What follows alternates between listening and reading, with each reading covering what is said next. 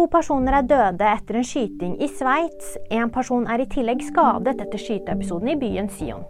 Politiet sier at informasjonen viser at gjerningspersonen kjente ofrene. Mandag formiddag er gjerningspersonen ennå ikke pågrepet. Det blir lønnskutt i Vålerenga. Dagen etter at klubben rykket ned, kommer altså beskjeden om at både spillere og trenere går ned i lønn.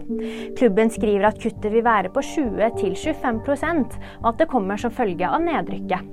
Det var Kristiansund som kom seirende ut av gårsdagens kvalikkamp mot Vålerenga etter en intens straffesparkkonkurranse. Fire BTS-medlemmer går inn i militæret. Der vil de være i 18 måneder for å fullføre Sør-Koreas obligatoriske militærtjeneste. Tre av gruppens syv medlemmer er allerede godt i gang med tjenesten. Nå er det altså de fire sistes tur.